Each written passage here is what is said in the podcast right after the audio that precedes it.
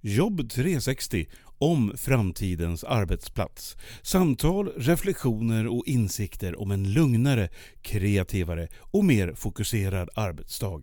Inbjudna gäster tillsammans med Pia Andreasson från Direxio.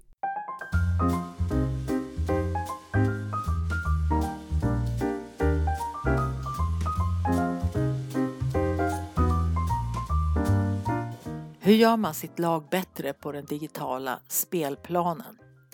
Ja, det handlar om ett lagarbete, men det handlar också om vars och ens egen insats. Så det gäller både för den enskilda medarbetaren och för hela teamet att träna på det man vill bli bra på och träna på det man vill förändra. Hur omsätter man det här i praktiken? Det ska dagens poddsamtal handla om. Välkommen till Jobb 360!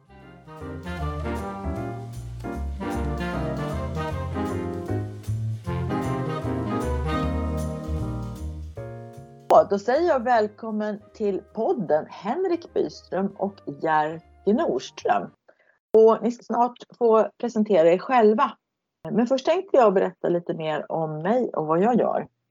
Förutom att jag har podden Jobb 360 så utbildar jag människor i medvetet och digitalt arbetssätt. Det har jag gjort i tio år snart.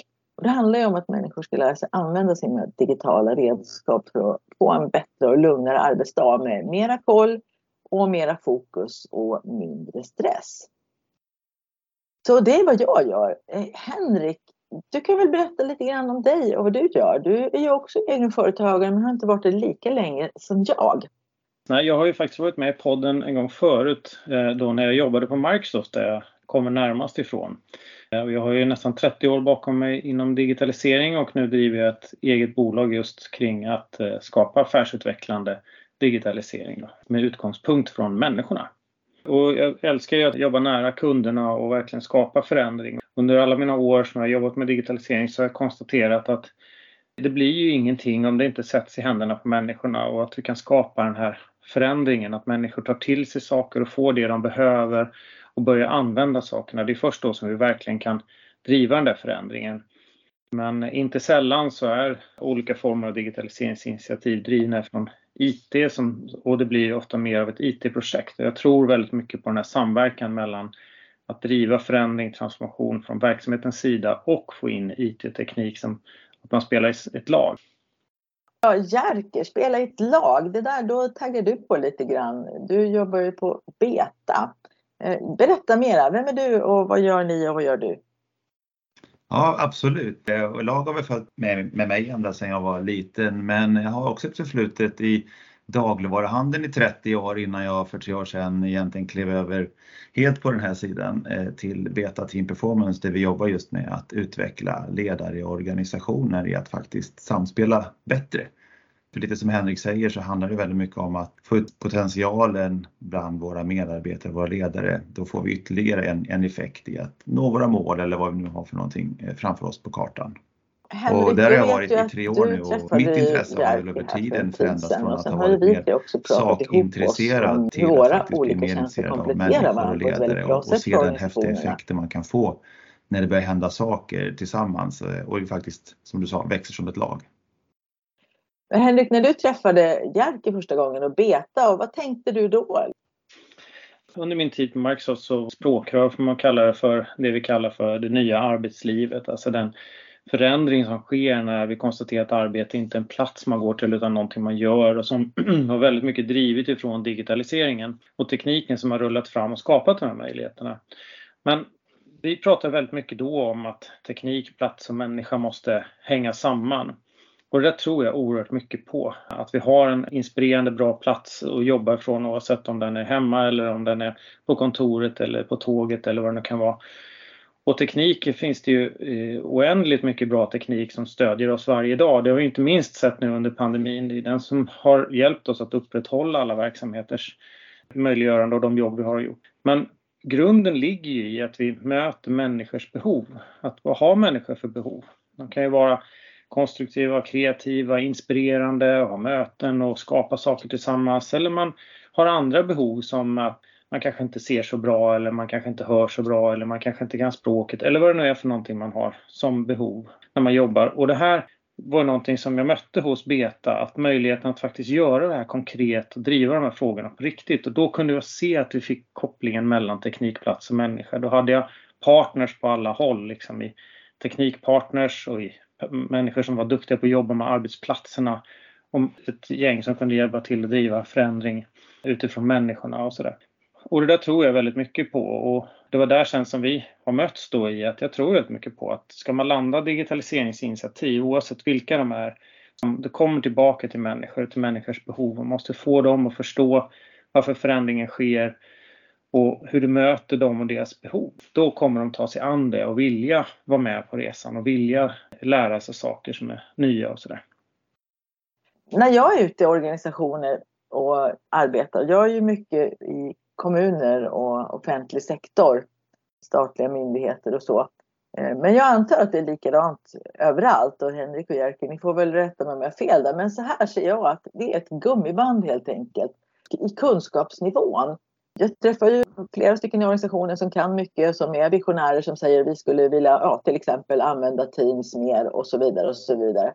Men så har vi ofta i andra änden av gummibandet människor som jobbar ungefär som de alltid har gjort som tar till sig ny teknik mest ifrån att man, ja, man blir tvungen till det för att ja, alla andra gör ju det nu så jag får väl också göra det då. Och det här gummibandet känner jag är, är jättefarligt därför att jag kan ju lära var en person att höja sin nivå. Jag träffar dem en begränsad tid. Det är tre halvdagar med en månad mellan varje. Och sen efter kursdag tre så känner jag ofta att ja, nu får jag hålla tummarna för att de kan hålla i det här. För det räcker ju inte. Det är ju en väldig frustration hos mig att bara kunna vara den begränsad tid och sen inte kunna följa upp. Och Jerker, du kommer ju från idrottsvärlden, så det här med kontinuitet, alltså hur, hur får man ett, ett, lag och ett team att hålla i nya kunskaper, att öva och sen att ta sig framåt med hjälp av det? Ja, det är ju superintressant. Jag tror det är en av våra största utmaningar och, och det är väl lite grann varför vi tycker att vi har ett spännande koncept. Mycket av det vi gör har vi blandat in erfarenheter från just idrotten som du säger. Och, och, en sån sak eh, som vi brukar prata väldigt mycket om det är att faktiskt träna på det man vill bli bra på. Vi brukar prata väldigt mycket om att vi är duktiga på att spela match, vi går på möten, vi levererar saker men om vi verkligen vill bli bra på någonting så behöver vi träna. Och det faller ju lite grann tillbaka till också det här med beteenden som vi har och det är väl som alltid så att vi är vanemänniskor. Om vi bara tittar på vilken väg vi tar till jobbet och vad vi äter till frukost så är det samma sak mer eller mindre varje gång. Och det där är ett svårt beteende att bryta och det krävs att man gör någonting för att få det där att hända. Och, det är lite grann samma sak med det här med förändring är ju för de flesta ganska så obehagligt och lite läskigt och det är lite jobbigt därför att det är mycket lättare det man alltid är van vid. Så vi brukar prata väldigt mycket om oavsett vad vi gör och var vi är någonstans om att kunna träna på saker och ting, det vill säga repetera det som vi vill förändra, det som vi vill bli bra på. Och det har man väldigt mycket eh, med oss ifrån just idrotten. Men precis som du säger det här, vad händer när, när man lämnar rummet? Och därför har vi jobbat väldigt mycket med att se till att vi får en process där vi kör någonting vi kallar för tra train the trainer. Det vill säga att vi lär ledarna som är det viktigaste verktyget som vi kan komma åt i en organisation att faktiskt bli bättre på det man ska göra, det vill säga leda människor dit man vill i förändring, eh, till att bli starkare, till att förstå sin prestation bättre och utvecklas som både människor och resurser i en organisation. Och då gäller det att få den här kontinuiteten i att faktiskt göra det här om och om, om igen. Eh, och det är jobbigare i början än när man väl kommit in i det. Henrik, jag tror att det var det här som du såg när du pratade med Beta, just den här kontinuiteten, att parallellen är att man behöver träna på arbetssätten också. Jo men precis och det här, bara för att ta ett litet exempel från mig själv på exakt det Jerker pratar om när man översätter det sen också till tekniska förmågor. Så jag har ju länge propagerat för hur värdefullt det kan använda de här eh, My Analytics-tjänsterna som de hette förut, nu heter det Viva Insights som Microsoft har eh, i Office 365-plattformen. Och för mig så använde jag dem genom att jag kikade på den här portalen och läste de här mejlen och fick till exempel insikt om att jag eh, multitaskade väldigt mycket i möten. Och nu under pandemin så har jag också sett att jag jobbat väldigt mycket på kvällar och helger som alla andra skulle jag säga, det visar ju statistiken också.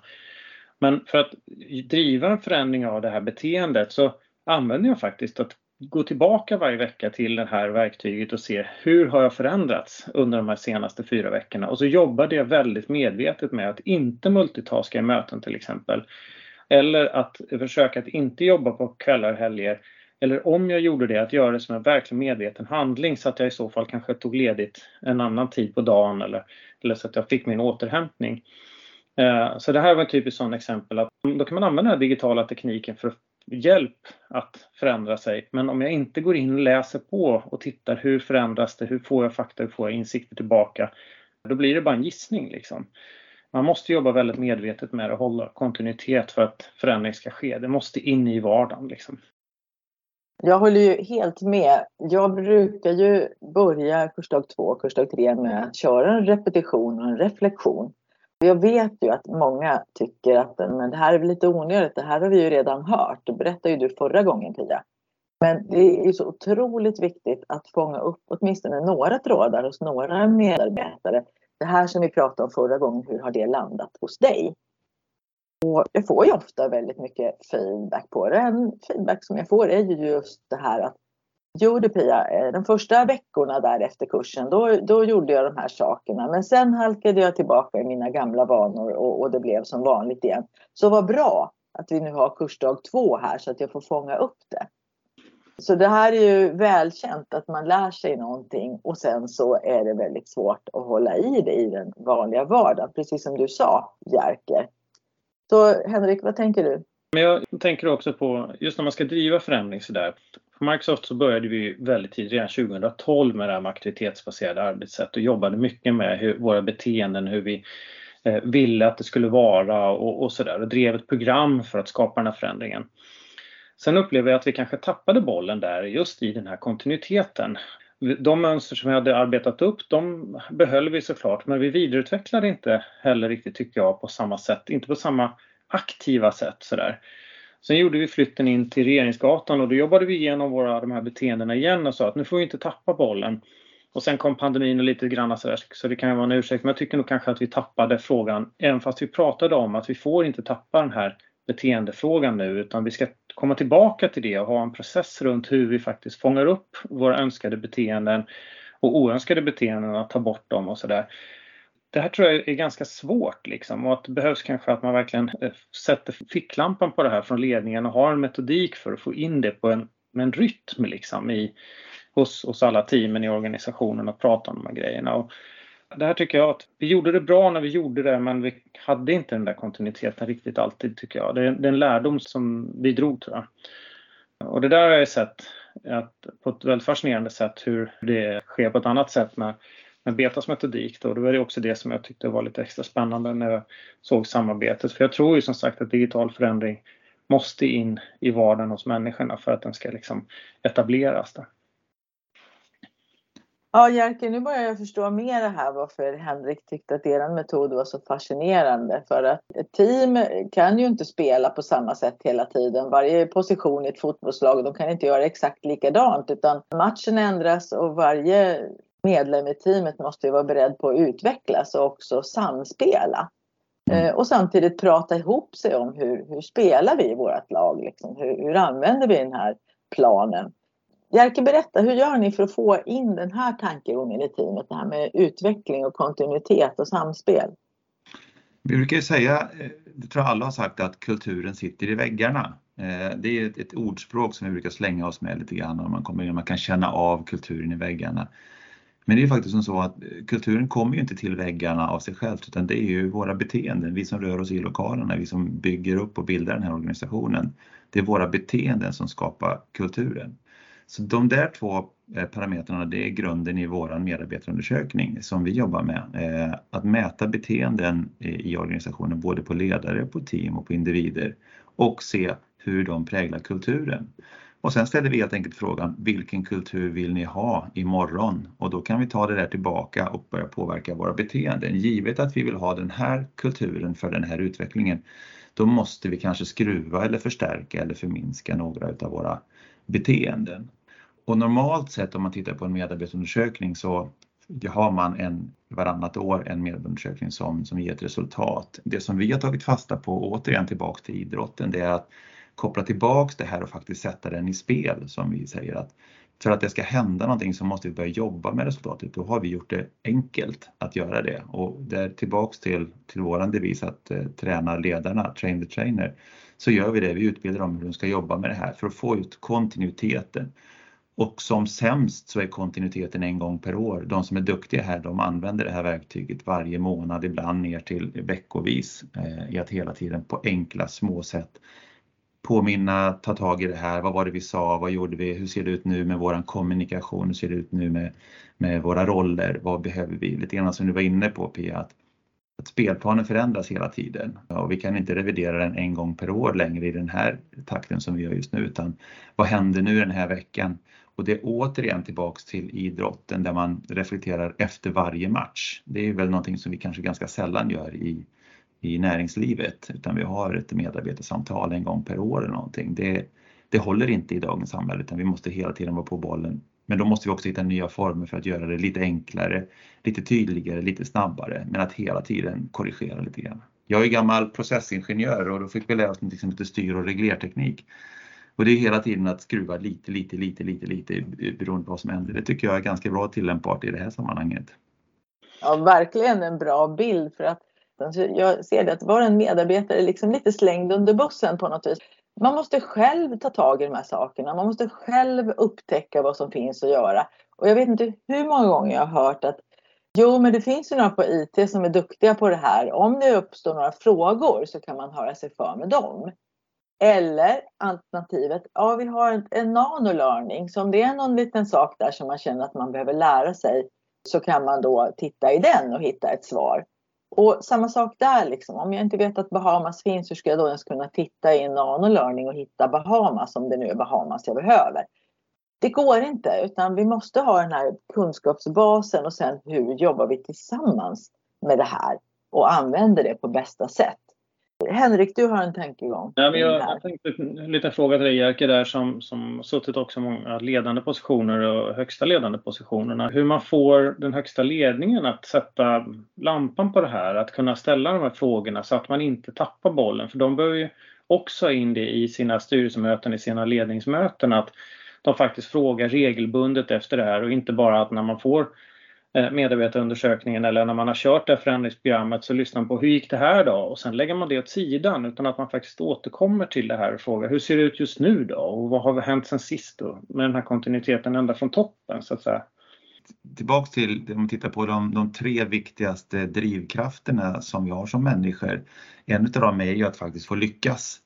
Och den tror jag är väldigt viktig i det här sammanhanget, att vi hela tiden ser att vi peppar med att vi faktiskt lyckas med det vi gör, att vi, vi når framgång på de bitarna.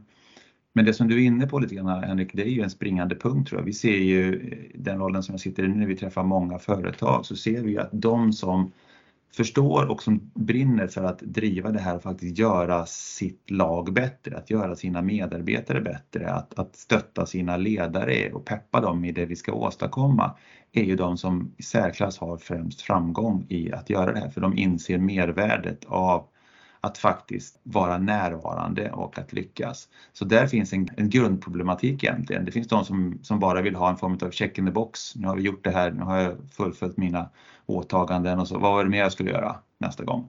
Utan de som faktiskt använder det här för att, någon, för att driva sig och sin organisation framåt. Att inte släppa det här bara för att det är klart. Det är de som vi ser gör skillnad på riktigt i det hela. Eh, och det är klart, där kan både VD eh, i en organisation men även styrelse vara väldigt viktiga redskap i att faktiskt eh, peka ut riktningen och säga att det här är viktigt för att vi ska lyckas.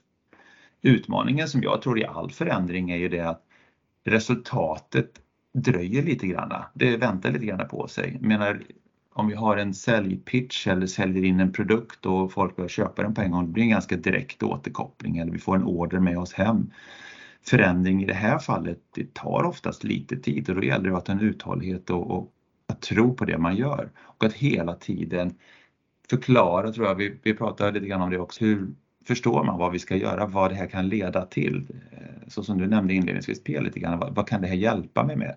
Får man hela tiden påminnelse, i början behöver man påminna lite mer om det där för det kanske inte är så tydligt.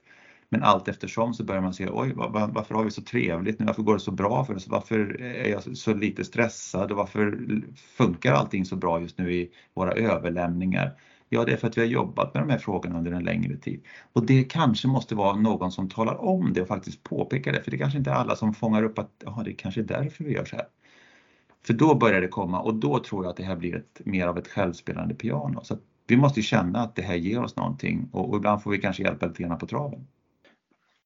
Att hela tiden notera vad som faktiskt har gått bra och vad som funkar, det tror jag också är en, en viktig nyckelfaktor i det här. Därför att även om jag kanske hittar en massa smarta lösningar själv och gör ett riktigt bra jobb och underlättar för mina kollegor för att jag jobbar bra.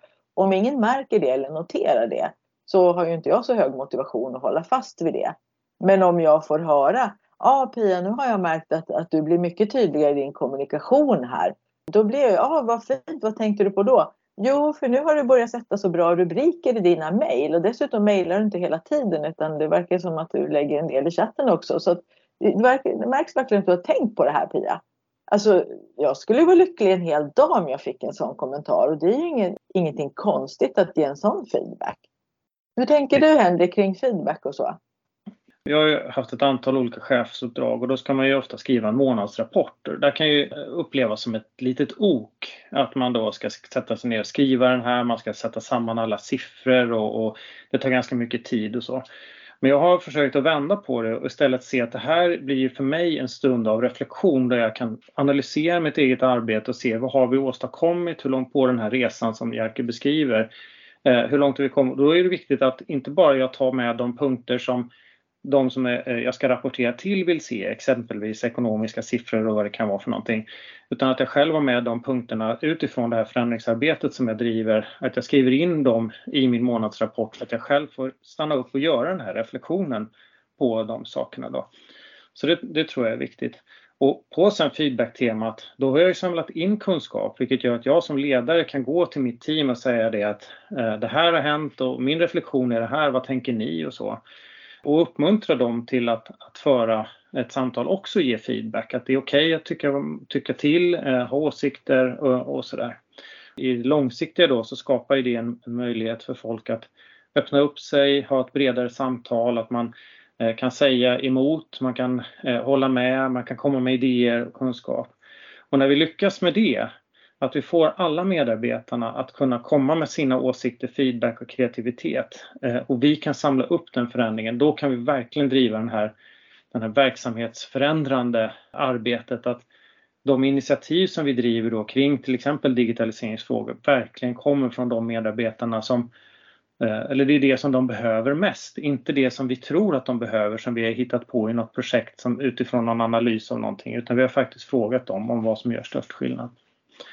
Men då måste man skapa en feedbackkultur som där, där det känns okej okay att, att komma med idéer och ifrågasätta och sådär. Feedbackkultur, det låter ju väldigt bra men, men min erfarenhet bakåt i tiden, jag har varit med i yrkeslivet ett tag, är att det där kan ju också vara väldigt hotfullt när någon kommer med någonting och ska berätta någonting om mig och mitt arbetssätt. Eh, jag vet ju inte kanske först om det är något positivt eller negativt och en tanke är ju att när jag är lite sådär beredd på att det kan komma något dåligt och så kommer det något bra. Då landar ju det där bra inte riktigt på något schysst sätt som befäster sig utan jag är bara glad att jag slapp något dåligt. Så jag funderar som Jerker, ni, ni jobbar ju med det här. Hur bygger man en bra feedbackkultur då så att jag inte blir skraj när någon ska säga något till mig utan att jag känner mig trygg? Gissa vilket ord jag kommer använda Pia? Övning, träna. kontinuitet, träna. Ja, träna. Ja, precis. Eh, det är väldigt mycket det det handlar om och det är klart de flesta tycker nog att feedback är lite läskigt i början. Det är ganska få som tycker att det där är spännande. Men där har vi också otroligt mycket att hämta ifrån idrotten och inte minst enskilda idrottare som faktiskt bygger sin framgång på att de hela tiden får kontinuerlig feedback. Vi har en tjej hos oss som jobbar som processcoach som heter Anna Laurel Nash som bland annat är dubbelvärldsmästarinna i, i boxning och som dessutom är doktor i, i kemi. Eh, när jag började jobba med henne så var hon direkt på mig efter de första gångerna som hon, vi hade jobbat ihop med leverans och Jerker feedback, Jerker feedback, Jerker feedback. Direkt, hur, hur gjorde jag, hur var jag, alltihopa. Och det där för mig var häftigt att vara med om. Det var liksom ett sätt för henne att utvecklas.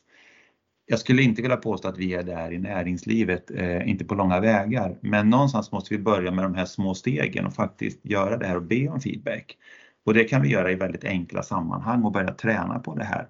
Och ju mer man tränar på det, både på att ta men också på att ge feedback och någonstans där så gäller det, det finns många olika metodiker för hur man ger feedback eh, och de kan man välja vilka man tycker känns bäst för en själv. Men, Men vad det handlar om är ju att vi vill hjälpa varandra att utvecklas. Så även den som ger feedbacken ger det med omtanke.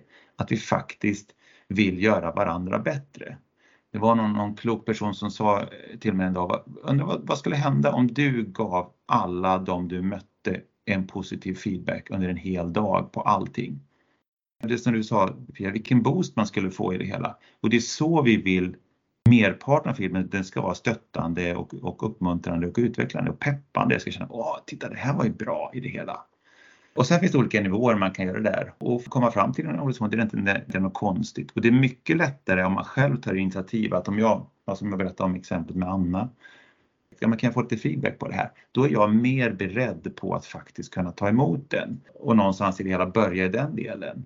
Och sen när man har gjort det ett tag, då kan, då kan man faktiskt komma, är det, är det okej okay, att, eh, att jag ger dig lite feedback nu? Ja, ja, men det är okej. Okay. Och så är det inte så farligt och så nästa gång så blir det behagligt. Så det är, det är en invandringsprocess. Apropå det här beteenden, vi behöver träna på det vi vill bli bra på, både på att ge och på att ta. Men den utvecklingen man kan få av det här är ju helt fantastisk. Så det är väl värt att våga ge sig ut på den arenan. Henrik, att våga ge sig ut på den arenan är feedback. Hur tänker du? Jag håller med Jerker om det här med att träna och som sagt ger man mycket stöttande så kommer den också den konstruktiva feedbacken att bli lättare att framföra och ta emot. Jag kan ju själv uppleva, eh, både från mig själv och från, från andra, att det kan vara ganska svårt faktiskt att ta positiv feedback. Man skriver ner sig själv och säger äh, det var inte så farligt och inte, nej vi var ju ett lag och det var alla sådär. Men jag tror också att det är ganska viktigt att då säger så här, men tack, vad, vad, vad schysst att du säger så. Jag uppskattar verkligen det och, och så där och försöka ta emot det. Jag, jag är själv inte särskilt bra på det, men, men det, jag försöker träna på det, Jerker. Mm. Jag tror att någonstans, eh, det är min personliga reflektion, att vi har någon form av bank i det här också. Att ju mer positiv feedback vi får, desto lättare kan vi ta de här som vi upplever som lite mer negativa eller utvecklande. Så att det blir lättare att ta den så att man får, man får fylla på kontot hos våra eh, kollegor med det positiva först, då kan vi börja jobba med de andra bitarna för då är det lättare att ta till sig det hela. För då blir man mer öppen för det hela. Ja, just det, jag har fått så jäkla mycket bra så här. Det måste finnas någonting även hos mig att utveckla.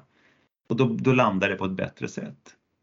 Det blir en naturligare känsla och det är väl kanske man ska säga nio positiva saker för att kunna ta, någonting som inte är så bra. En mm. gammal god regel. Mm. Men eftersom vi inte är så bra generellt sett ute i organisationerna på att lägga de här bra feedbacken och, och beröm, berömmet kan man väl säga och så när man lyfter upp det som är bra. Då finns det inte heller utrymme för utveckling att ta de här sakerna som är mindre bra. Och jag tror också det här med att man faktiskt får, när man kommer med idéer, att någon faktiskt tar emot dem och agerar på dem. Eh, jag försöker nu jobba väldigt mycket med att få igång de här digitaliseringsinitiativen från människorna som är ute i verksamheten. Och då tror jag att om vi får igång nu den här feedbackkulturen från dem, där de kommer med sina idéer och säger så här, vi skulle vilja ha de här sakerna, det skulle underlätta i våran vardag. Då gäller det att någon tar emot det och säger så här, ja men vilken bra idé, det ska vi absolut göra någonting åt och kika på. Och sen så kanske man då eh, bestämmer sig för att inte genomföra ett initiativ av olika slag. Då återkopplar man till det och säger så här, vi har inte budgeten eller tiden men vi uppskattar verkligen att du, du kom med din idé. Eller så då så säger man att ja, men den här idén ska vi genomföra och vill du kanske vara med i, i projektet eller så att man, känner, man får en återkoppling där också, att inte bara i form av feedback utan också när man kommer med idéer. Eh, annars så kommer man ju sluta ge idéer om ingen tar emot dem eh, eller man inte får någon återkoppling på dem. Eh, Jerker, hur tänker du kring det som Henrik sa? Nej, men jag tror också, och tillbaka också kopplingen till feedback, jag menar, man kan ju ge feedback, man kan också be om, du pratade själv lite grann, eller båda två, om reflektion. Det kan vara så att man behöver inte alltid ge feedback, man kan börja, men vad tyckte du själv? Tyckte du själv det här gick? Vad, vad, vad var du bra på? Vad skulle du kunna förbättra? Då skapar man en feedbackkultur men på, också på ett mjukare sätt. Och det tycker jag leder rätt bra över till Henriks del. Att vad skulle du behöva ha för verktyg eller hur skulle du vilja förändra situationen för att vi ska få bättre? Om det är arbetssätt eller om det är teknik eller vad det är för någonting. Och börja få den här att, ja ah, fasken, jag får frågan. Jag kan börja fundera, jag kan tänka och jag kan ge ett förslag. Jag får en återkoppling, det blir inte alltid mina förslag men det kanske blir någon variant på det hela eller vi tog diskussionen med tre ytterligare och då blev det en ännu bättre lösning. Så att våga ställa frågan. Frågor är tyvärr alldeles för sällan använt i det vi jobbar med, utan vi har ofta lösningar allihopa. Vad, vad gjorde du bra och vad kan bli bättre? Det är en väldigt, väldigt bra utgångspunkt för då frågar man inte efter fel och tokigheter utan vad gjorde du bra och vad kan bli bättre? Jag tänkte jag skulle komma in på det här. Vi ska ju faktiskt ha ett samarbete framöver. Beta och Henrik och Direxio. Just på den här grunden som vi har pratat om. Eh, där det handlar om en organisation där det dels finns det här gummibandet mellan fyra olika enheter. Några kan mycket och eh, en del i gummibandet säger att vi kan i stort sett ingenting. Vi behöver komma igång med det här. Och att då jobba på det här sättet med ledarskap, med kontinuitet och att få det här att hända över tid. Där man faktiskt också börjar med en sån här mätning. Henrik, kan du berätta lite mer om vad som är tanken med att koppla ihop oss alla tre i det här? Jag tror ju så här, jag själv brinner ju väldigt mycket för digitalisering och tror att digitaliseringen kan skapa så otroligt mycket möjligheter. Den har satt oss där vi är nu eh, och den kommer vara central även i framtiden oavsett om vi tittar 5, 10, 15, 20, 50 år så kommer digitalisering och automation vara centralt. Men det i sin tur bygger på att vi kopplar ihop förändring. Och när vi då ser, att du ska gå ut och utbilda i alla de förändringar som sker. Runt, bara i Teams så sker det väl kanske 400 uppdateringar och förändringar på, på ett år. Liksom. Och det är klart att inte alla handlar om ny funktionalitet, det handlar om förbättringar och säkerhet och allting som händer i bakgrunden också. Men med så stora förändringar som sker i en plattform som Microsoft 365 så behöver man ju få utbildning och kontinuitet i det. Men då måste man ju vara mottaglig för eh, förändringen och känna så här, det här är någonting som hjälper mig, det här vill jag lära mig, jag ska ta till mig det här och förändra mitt beteende i vardagen. Och för att ha, landa på rätt sätt då, att vara mottaglig för de här utbildningarna så tror jag att det är bra att man då har fått hjälp eh, att sätta sig i rätt läge innan och då kommer ju de här beteendeförändringarna och att man själv förstår att nu kommer jag utsätta mig för ett förändringsinitiativ och jag är redo för det. Det är där som, som vi ser styrkan då i det arbete som Beta och Jerker-teamet gör att kunna förbereda människor inför en sån här förändring. Och sen också Jerker att er metod just för att ge feedback. Ni har ju en speciell metodik där dels när ni ser vad är det här teamet behöver lyfta särskilt då för att förbättra sig och sen också den här metodiken Mm. Vi har pratat mycket om träna men vi har ju faktiskt en del som också går in i den där eh, snurran egentligen och det är att mäta. Eh, vi vill ju gärna veta var vi befinner oss, vi har ett nuläge och ett nyläge egentligen och, där, där blir även den här mätningen en väldigt bra utgångspunkt i det hela. Nu går vi väldigt mycket på hörsägen i det här fallet att eh, det finns en, en, en stor förändringsobenägenhet exempelvis ja, men låt oss ta reda på var den sitter i så fall eh, i det hela. Det är ju superintressant att veta någonstans vilken station kliver vi på i det hela. Och på samma sätt när vi har gjort våra förändringar, ja men har vi åstadkommit en, en varbar förändring helt enkelt. Eh, och det här kan vi faktiskt mäta oss till. Och det är ganska vanligt att vi, vi hamnar i den diskussionen. Jag skulle vilja köra ett program för mina ledare exempelvis. Ja, varför då? då? Eh, ja, men det var så länge sedan. Ja, okej, har du dåliga ledare? Ja, det vet jag inte. Jag tycker, nej, de är väl inte så dåliga så här, men eh, ett förslag är att vi, vi mäter och kollar och då kan det lika väl vara så att det bekräftar, ja men eh, det finns att göra här, vi behöver jobba med de här bitarna. Det kan också vara som så att nej, men, du har bra ledare men eh, tyvärr så är dina mål väldigt otydliga vart ni ska någonstans och ledarna vet inte vilket håll de ska springa åt. Därför kanske de upplevs som, som svaga för att de vet inte om det är höger eller vänster. Så, så vi fokuserar på det istället först och sen har vi en ledare som du kanske behöver ge lite extra handledning men vi behöver inte köra på allihopa. Så någonstans det här att veta vad vi startar i, det ska bli jätteintressant i det här projektet tillsammans också utifrån den verbala beskrivningen vi har fått. Eh, var i sitter det någonstans och, och är, det, är det mycket eller lite eller är det bara en, ska säga, en vald sanning i det hela? Och sen också att det är offentlig sektor därför att nu har vi pratat om idrottsvärlden och man kan också prata om den privata sektorn med företag och så. Men eh, alla vi tre känner ju att kunna göra det här för offentlig sektor Eh, den utväxling man kan få då. Det blir ju inte bara höjda försäljningssiffror och så vidare som man kanske mäter i ett företag utan det blir ju verkligen var och en person i den eh, som berörs av den organisationen oavsett om det är en statlig myndighet eller en kommun. Varje person i den kommunen i så fall har ju möjlighet att få det bättre just där den bor. Eh, så det tycker jag det är min stora drivkraft att verkligen kunna hjälpa människor ute på riktigt och inte bara att företag ska få bättre försäljningssiffror. Vad tänker du Jerker? Nej, men det är ju människor vi pratar om oavsett vilken organisation man sitter i och vilka mål man drivs mot. Eh, och det handlar ju om att det ska bli en, en bättre tillvaro för de som jobbar där och en, ett bättre resultat vare sig det handlar om medborgarnytta eller försäljningssiffror i det hela. Och, och det det handlar om någonstans i grund och botten är ju att på samma sätt, det vi, det vi kommer att göra efter det här också, det är att skapa en trygghet för dem att faktiskt ge sig in i det som du kommer att jobba med dem sen Pia, att de känner sig trygga i att men, jag är kanske inte ensam om att tycka det här är lite läskigt och jag förstår mig själv var jag befinner mig. Jag får lite verktyg för hur ska jag hantera den här förändringen. För tillbaks någonstans till det här med starka, tre starkaste drivkrafterna där, där att lyckas vara en utav den kommer att bli central även i det här. Att känna att ja, men jag jag lyckas göra den här förflyttningen in i det här nya samhället med lite mer teknik som jag kanske var lite orolig för i det hela.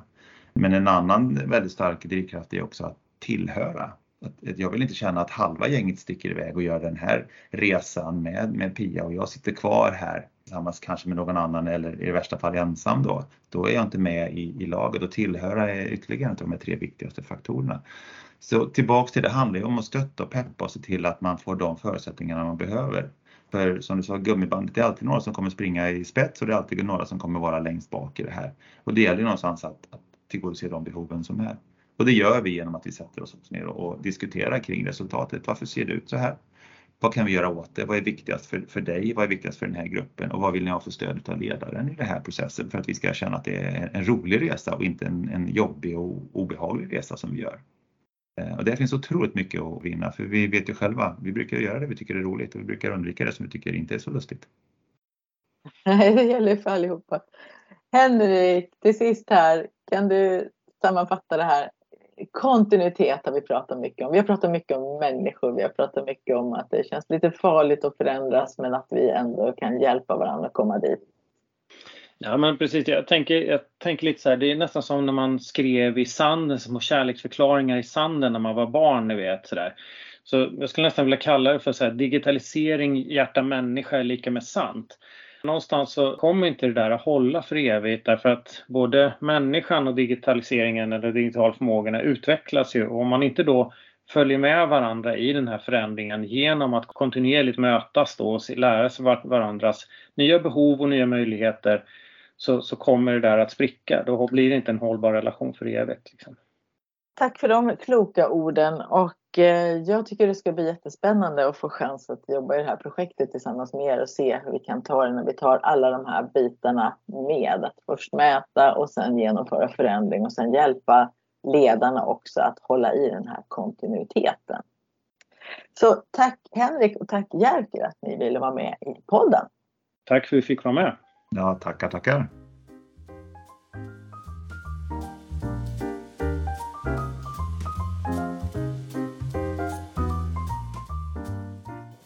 Det handlar alltså om kontinuitet.